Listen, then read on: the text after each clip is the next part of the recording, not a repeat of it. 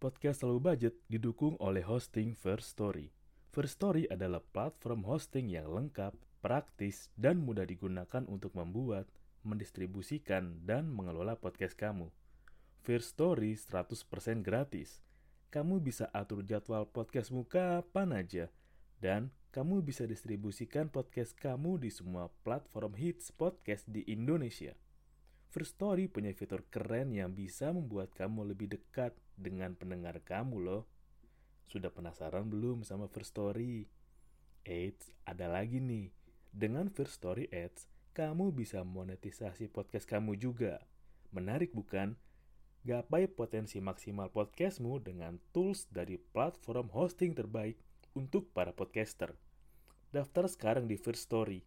Mari bawa mimpi podcastingmu menjadi kenyataan.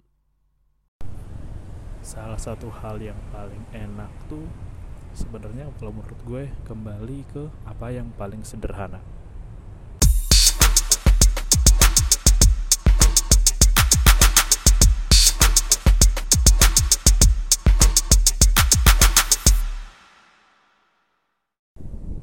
episode low budget sudah update lagi pelan-pelan di web hosting yang baru tetap di platform yang sama cuman emang cara ngerekamnya beda. Gue masih adaptasi bagaimana cara kerjanya bagaimana mekanismenya dan bagaimana cara untuk membuat itu kelihatan lebih baik. Setelah kemarin gue juga baru tahu sih ternyata mic gue aja yang jelek. Bukan mic gue yang tepatnya softwarenya yang jelek karena gue rekam langsung di Anchor ternyata karena laptop gue yang kurang itu rekamannya lama dan kresek gitu. Lu tau nggak gue rekam lagi di belakang kantor. Tepatnya lagi di iya di pinggir banget sih. Dan gue lagi kena matahari langsung. Jam setengah satu lewat dikit. Kena matahari langsung. Untungnya daerah Sudirman Selatan kan masih banyak pohon ya. Cukup adem dan enak banget suasananya. Jadi lu bisa ngerasa sinar matahari langsung kena teduhnya pohon itu hal yang menyenangkan dan baik dan membuat gua semakin tahu bahwa ya wayahe kita wayahe orang ya karena sinar matahari. Kerasa deh enak banget di badan. Kalau gue mulai gue mulai pelan-pelan sih untuk melakukan hal yang memang ya kodratnya kita manusia ya kodratnya aja atau harafiahnya kalau gue nyebut pakai bahasa Jawanya sih ya wayahe.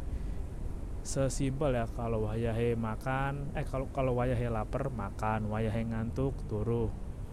Wayahe kesel diatur rese terus sampein keselnya kenapa. Gue mencoba pelan-pelan untuk menghindari hal-hal yang memang itu bukan sejatinya kebiasaan kita makanya gue pernah bilang pakai bahasa Inggris tapi sih di senior ya yang low budget US kalau gue tidur gue emang lebih suka pakai udara yang alami alias ya panas-panas ya. Paling kena kipas dipantulin kalau nggak ada kalau kipas udah bener ekstra panas ya karena kamar gue kayaknya semi-semi latihan model neraka versi light deh. Kalau nggak ya udah nggak pakai udara apa aja udah.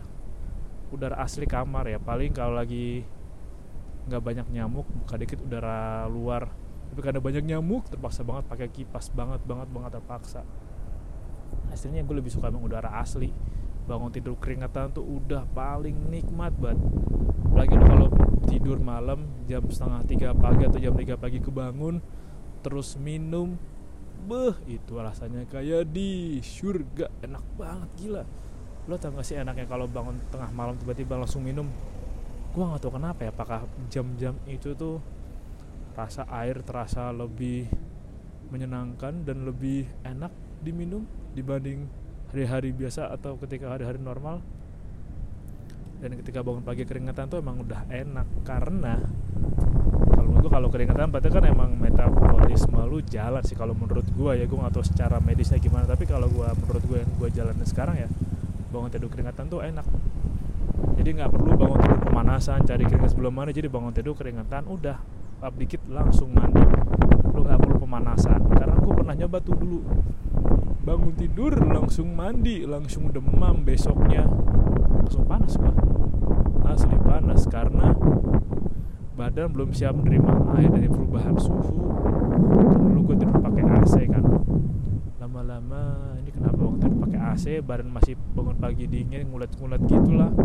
Suhu kena air langsung meriang meriang langsung karena emang butuh perubahan badan dan ya AC memang tidak alami tidak alami. Kecuali memang suhu yang daerah udaranya dingin atau di setel suhu AC yang normal. Suhu normal tuh yang semi-semi rasa pegunungan lah. Sejuk sejuk aja sejuk. Kita tuh kalau di Indonesia ya kalau menurut gua kita nggak butuh dingin tapi kita butuh sejuk karena kalau yang dingin tuh yang butuh adalah orang-orang yang tinggal di musim yang punya empat cuaca dan orang yang punya masalah dalam reseptor dinginnya maupun juga gangguan pada sarafnya. Kan ada tuh saraf yang ada kayak gue gue gue pernah lihat ya ada orang yang itu dia ada orang yang nggak bisa kena udara kan kenapa langsung sakit ada orang yang ketika dingin dingin dikit bersin bersin ada orang yang lagi dingin musim salju cuma pakai kaos kutang doang naik motor. Ada gitu sih mungkin ada gangguan di sarafnya atau ada keunikan gue juga nggak tahu sih. Tapi memang pelan-pelan mengubah kebiasaan kita lagi kebiasaan yang orang pada umumnya kalau buat gue sendiri itu memang butuh effort sih. Butuh effort lah lu mengubah apa yang menjadi kebiasaan lu selama tahunan belasan bahkan mungkin 20 tahun 20 tahun gak ya? Mau 30 harusnya ada sih. Harusnya ada sih. Kebiasaan yang harus gue udah jalanin 20 tahunan lah kalau gue mulai dari TK sekarang udah mulai berubah lagi pasti ada. Karena ya memang lama-lama kan gue banyak ini kan low budget memang nggak harus mahal untuk nikmatin hidup dan juga emang harus bener-bener menjadi orang. Ya beneran orang gue mulai memikirkan lagi. Dan memang ada irisan ya.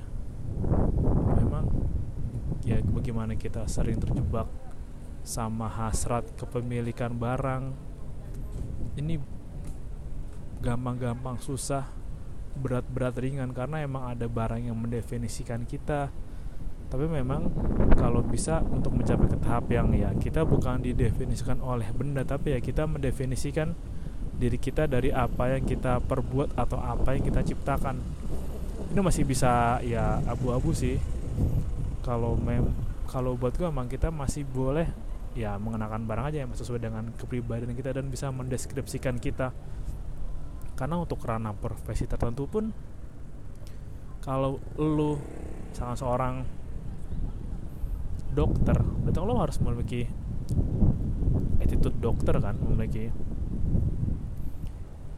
dokter maksud punya stetoskop? Nggak nggak nggak dokter, atau kalau misalkan terlalu jauh contoh konsultan deh. Kalau emang lu menjadi seorang konsultan atau kayak Pak Hotman Paris kan dibilang ya saya kan Hotman Paris saya mau jadi pengacara klien saya kan klien orang kaya. Bagaimana saya bisa meyakinkan klien saya kalau saya ini selain pintar kompeten juga punya harta yang banyak sehingga mereka harus bayar banyak ya? Saya tunjukkan pada mereka saya pakai cincin berlian mobil yang mewah. Nah, Lord Hotman adalah contoh yang paling bagus. Itu bisa mendeskripsikan diri lo siapa dari apa yang lo kenakan. Tapi jangan terjebak dengan cara yang oh aku adalah anak yang paling update. Selalu pakai barang kekinian. Selalu update soal style kekinian. Jalan lu itu bukan update tapi jadi korban korban kekinian ya korban kan hitungannya. Iyalah lu nggak tahu identitas lu siapa mendefinisikannya gimana dan cara menemukan nilai lu juga bukan dari barang tapi dari apa yang lu kerjakan. Barang sifatnya pendukung. Nah kita balik lagi ke ya wayahai manusia itu. Kayak kemarin gue udah pelan-pelan deh ngurangin kebiasaan makan makanan olahan. Mungkin nanti kita akan banyak ke dapatan atau terima makanan olahan ya makanan yang kayak di Dragon Ball tau gak yang yang kacang dewa tuh? Atau yang kayak di ada kartun gue lupa yang dia ada kacang polong nih. Terus pas dibelah jadi makanan cepat saja kayak Dragon Ball. Gue inget Dragon Ball sih yang dari kacang terus dipanasin tiba-tiba jadi nasi. Itu lucu banget. Tapi kayak gitu kan. Kita malah makan dihadapin kayak gitu udah coba dengan makanan yang nggak biasa manusia makan atau kita makan kayak Krabby Patty yang berubah deh jadi Krabby Patty industri kan ternyata makannya limbah. Yang kayak semen-semen gitu ew. Kita akan terima banyak gitu karena ya lama-lama pelan-pelan di beberapa sektor kita akan kekurangan bahan makanan atau bahan makanannya tetap ada tapi permintaannya semakin banyak. Ya semakin banyak permintaan harus bisa dipenuhi dengan semakin banyak ketersediaannya kan? Kalau emang ketersediaannya nggak banyak permintaannya banyak ya harganya naik dong. Ngaruhnya ke mana lagi? Ke kekurangan gizi ke stunting juga saling berhubungan lagi kan karena emang itu concern gue sih dan gue nggak bosan untuk menyampaikan apa yang menjadi perhatian gue di low budget ini. Kemudian akan dapat banyak olahan instan makanan-makanan yang ya diolah dengan pakai mesin-mesin dibuat-buat diolah-olah. Emang sih rasanya enak gurih gitu dan suka jadi sarapan pagi atau sarapan ketika lo habis renang di kolam kan. Kalau sesekali oke okay lah tapi kalau memang konsumsinya rutin kan juga ada tuh bagaimana membuat anak nafsu makan adalah dengan kasih makan yang itu-itu aja. Ya kasih makan yang instan yang sah sah terjadi padahal secara alami ya tubuh kita itu membutuhkan banyak asupan protein yang seimbang. Bukan hanya micin micin bukan hanya MSG atau bukan hanya pengawet kimia natrium natriuman bukan kita juga perlu zinc kalsium vitamin A B C D E eh, K kalium. Kita juga perlu itu. Bukan bahan kimia atau bahan makanan olahan ya. Mas aku bilang sesekali boleh tapi kan emang jangan rutin. Tapi memang karena ketersediaan dana karena kemudahan pagi-pagi orang tua harus nyiapin segalanya buat bekal anaknya orang tuanya keburu cibuk kasih yang instan aja. Kasih yang goreng aja deh ya. Daging-daging yang disuntik hormon aja kan emang lebih murah kan ya walaupun efek sampingnya tuh udah mulai kelihatan. Kalau lu perhatiin ini pengamatan gua aja sih.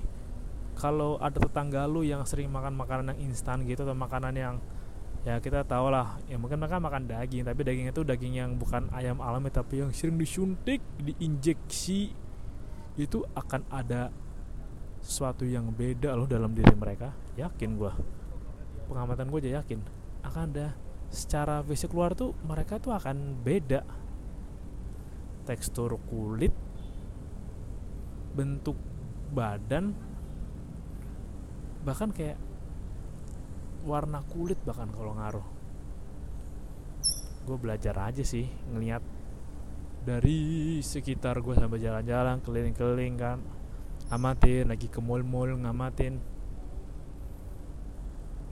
Karena emang kalau sekarang tuh kita sudah banyak masuk kimia di badan kita.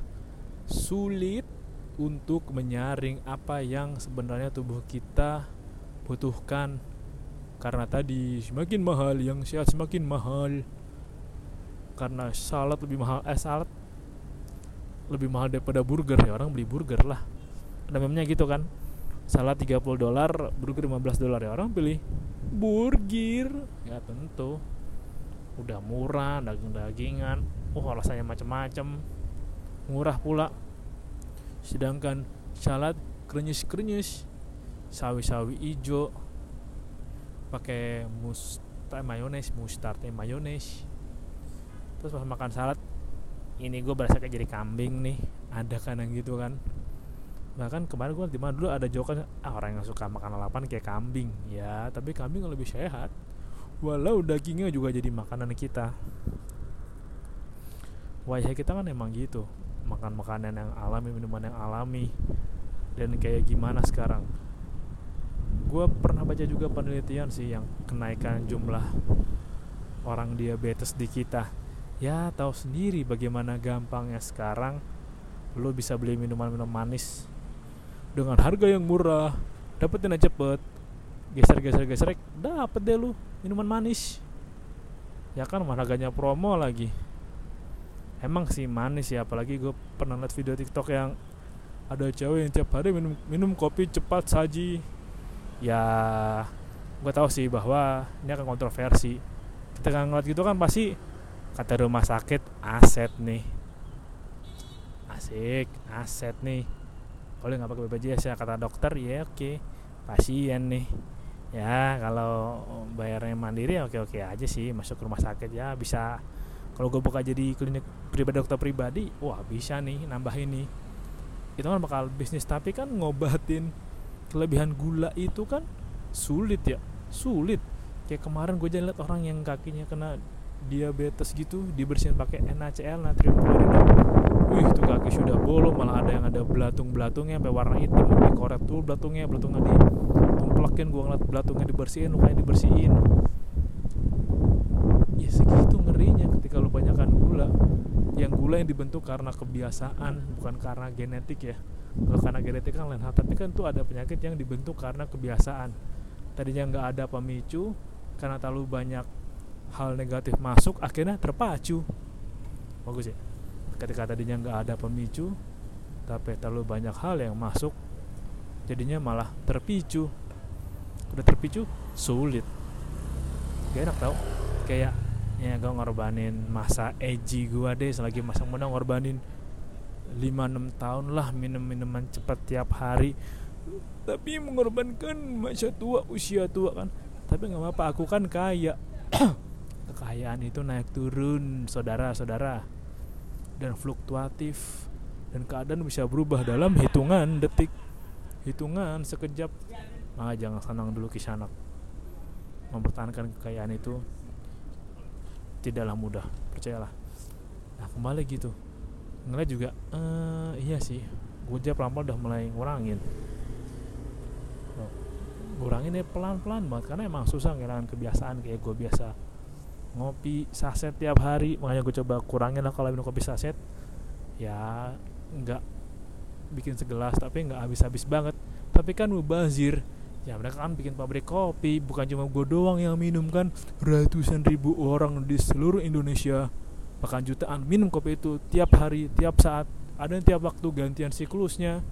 Ya karena gue buang itu ya nggak pasti mubazir atau rugi dong. Tentu tidak dong mereka rugi kalau tidak ada yang beli. Coba tolong digeser sedikit mindsetnya. Ya pelan-pelan minum kopi nggak banyak lah. Atau kalau minum kopi instan sampai habis ya seminggu sekali.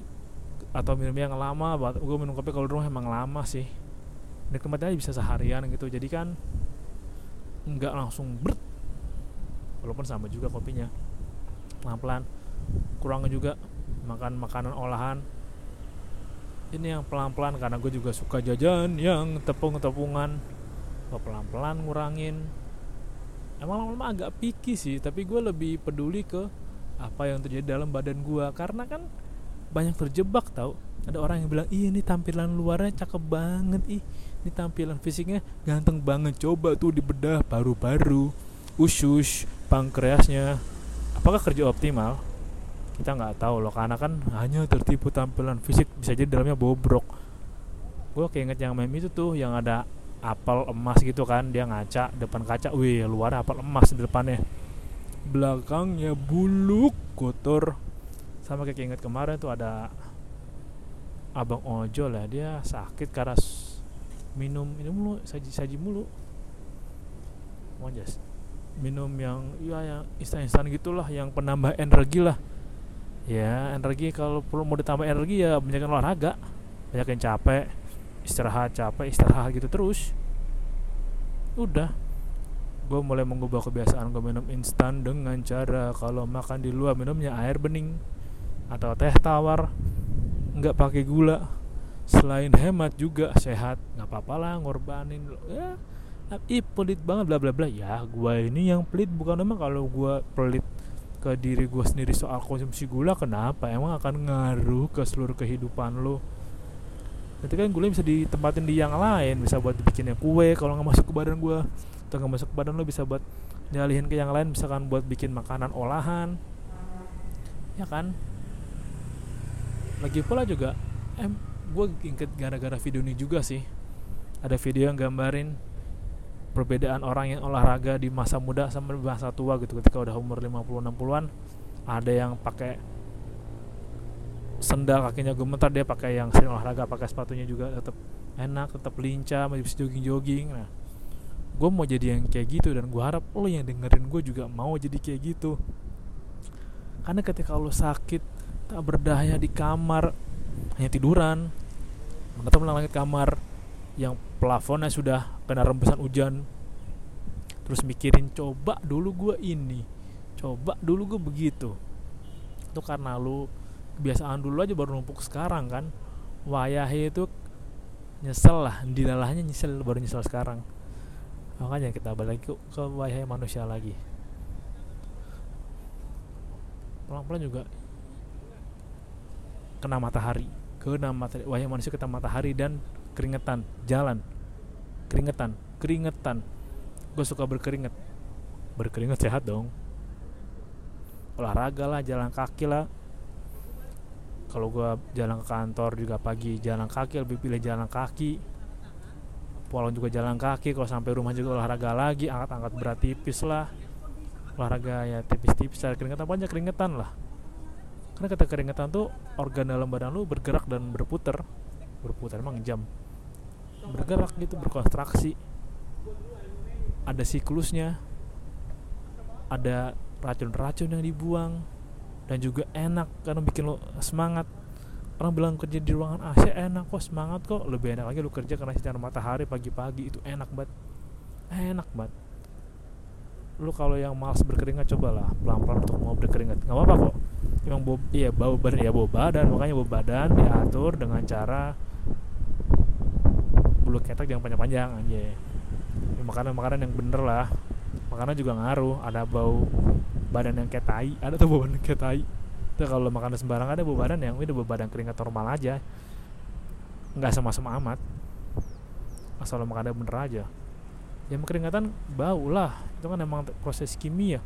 Kalau bau badan bau badannya minyak-minyak wangi minyak kasturi ya memang antum sinetron hidayah gila lo sambil gue mau berjemur bentar lagi deh baru balik ke atas. Hmm, udah 21 menit rupanya. Habisin dulu ya episode gue dan sampai kita berjumpa lagi di episode yang lain. Terima kasih udah dengerin dan salam low budget. Nggak harus mahal untuk nikmatin hidup